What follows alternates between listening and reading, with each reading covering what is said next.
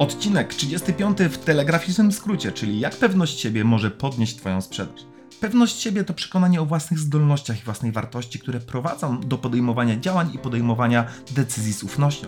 Jeśli jesteś pewny, pewna siebie, wierzysz w swoje zdolności do osiągania zamierzonych celów, to nawet jeśli napotkasz przeszkody lub wyzwania, idziesz dalej i nie obracasz się za siebie. Obserwując od ponad 20 lat handlowców samemu sprzedając, jestem pewien jednego. Jest to najczęściej pojawiające się wąskie gardło, bo zauważyłem ogromną korelację między pewnością siebie a wynikami sprzedażowymi. I właśnie o tym będzie w tym odcinku. Sprzedajemy całe życie, od samego dziecka.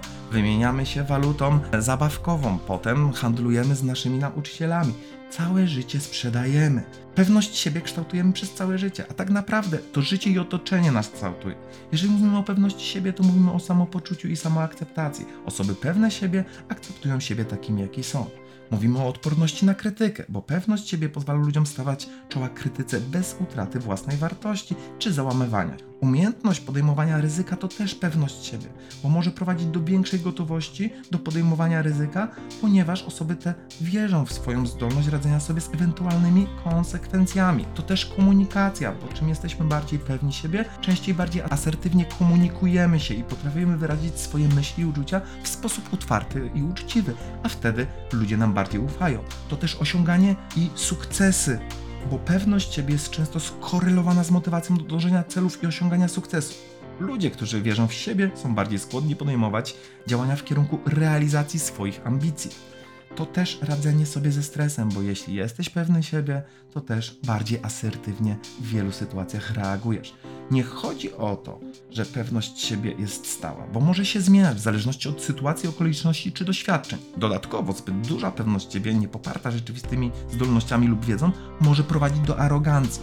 Kluczem jest znalezienie równowagi między wiarą w siebie a świadomością własnych ograniczeń. Zastanów się, ile straciłeś, straciłaś w życiu przez brak pewności siebie. Pomyśl o tym, ile straciłeś, straciłeś w sprzedaży przez brak pewności siebie. Ile razy nie zadzwoniłeś, nie zadzwoniłaś do klienta. Ile razy nie odebrałeś telefonu. Ile razy nie podjęłeś, podjęłaś decyzji próby zamknięcia sprzedaży lub nie zaproponowałeś, zaproponowałeś dodatkowego produktu klientowi. Pewność siebie to też odwaga do podejmowania decyzji to proaktywne działanie wobec klienta, to zadawanie niewygodnych pytań, to weryfikacja konkretnych powodów, dla których klient zdecydował się na inną ofertę, to kontraktowanie z klientem kolejnych kroków i niedopuszczenie do sytuacji, gdy klient mówi: Muszę przemyśleć, muszę się zastanowić i nic więcej z tym nie zrobię i nie będę pogłębiał.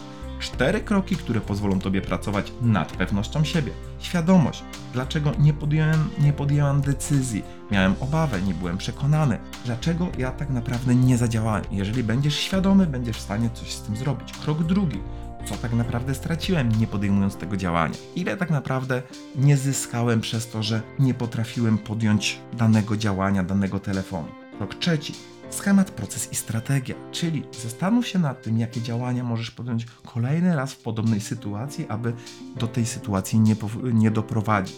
Krok czwarty, jaki efekt uzyskałem podejmując daną strategię i działanie. Co zyskałem, czego się nauczyłem, co następnym razem mogę zrobić inaczej. Chodzi o to, że w tym momencie każde podjęte działanie uczy nas czegoś i dostarcza nam jakiejś wartości. I to by było na tyle w 35 odcinku w telegraficznym skrócie. Do usłyszenia w kolejnym.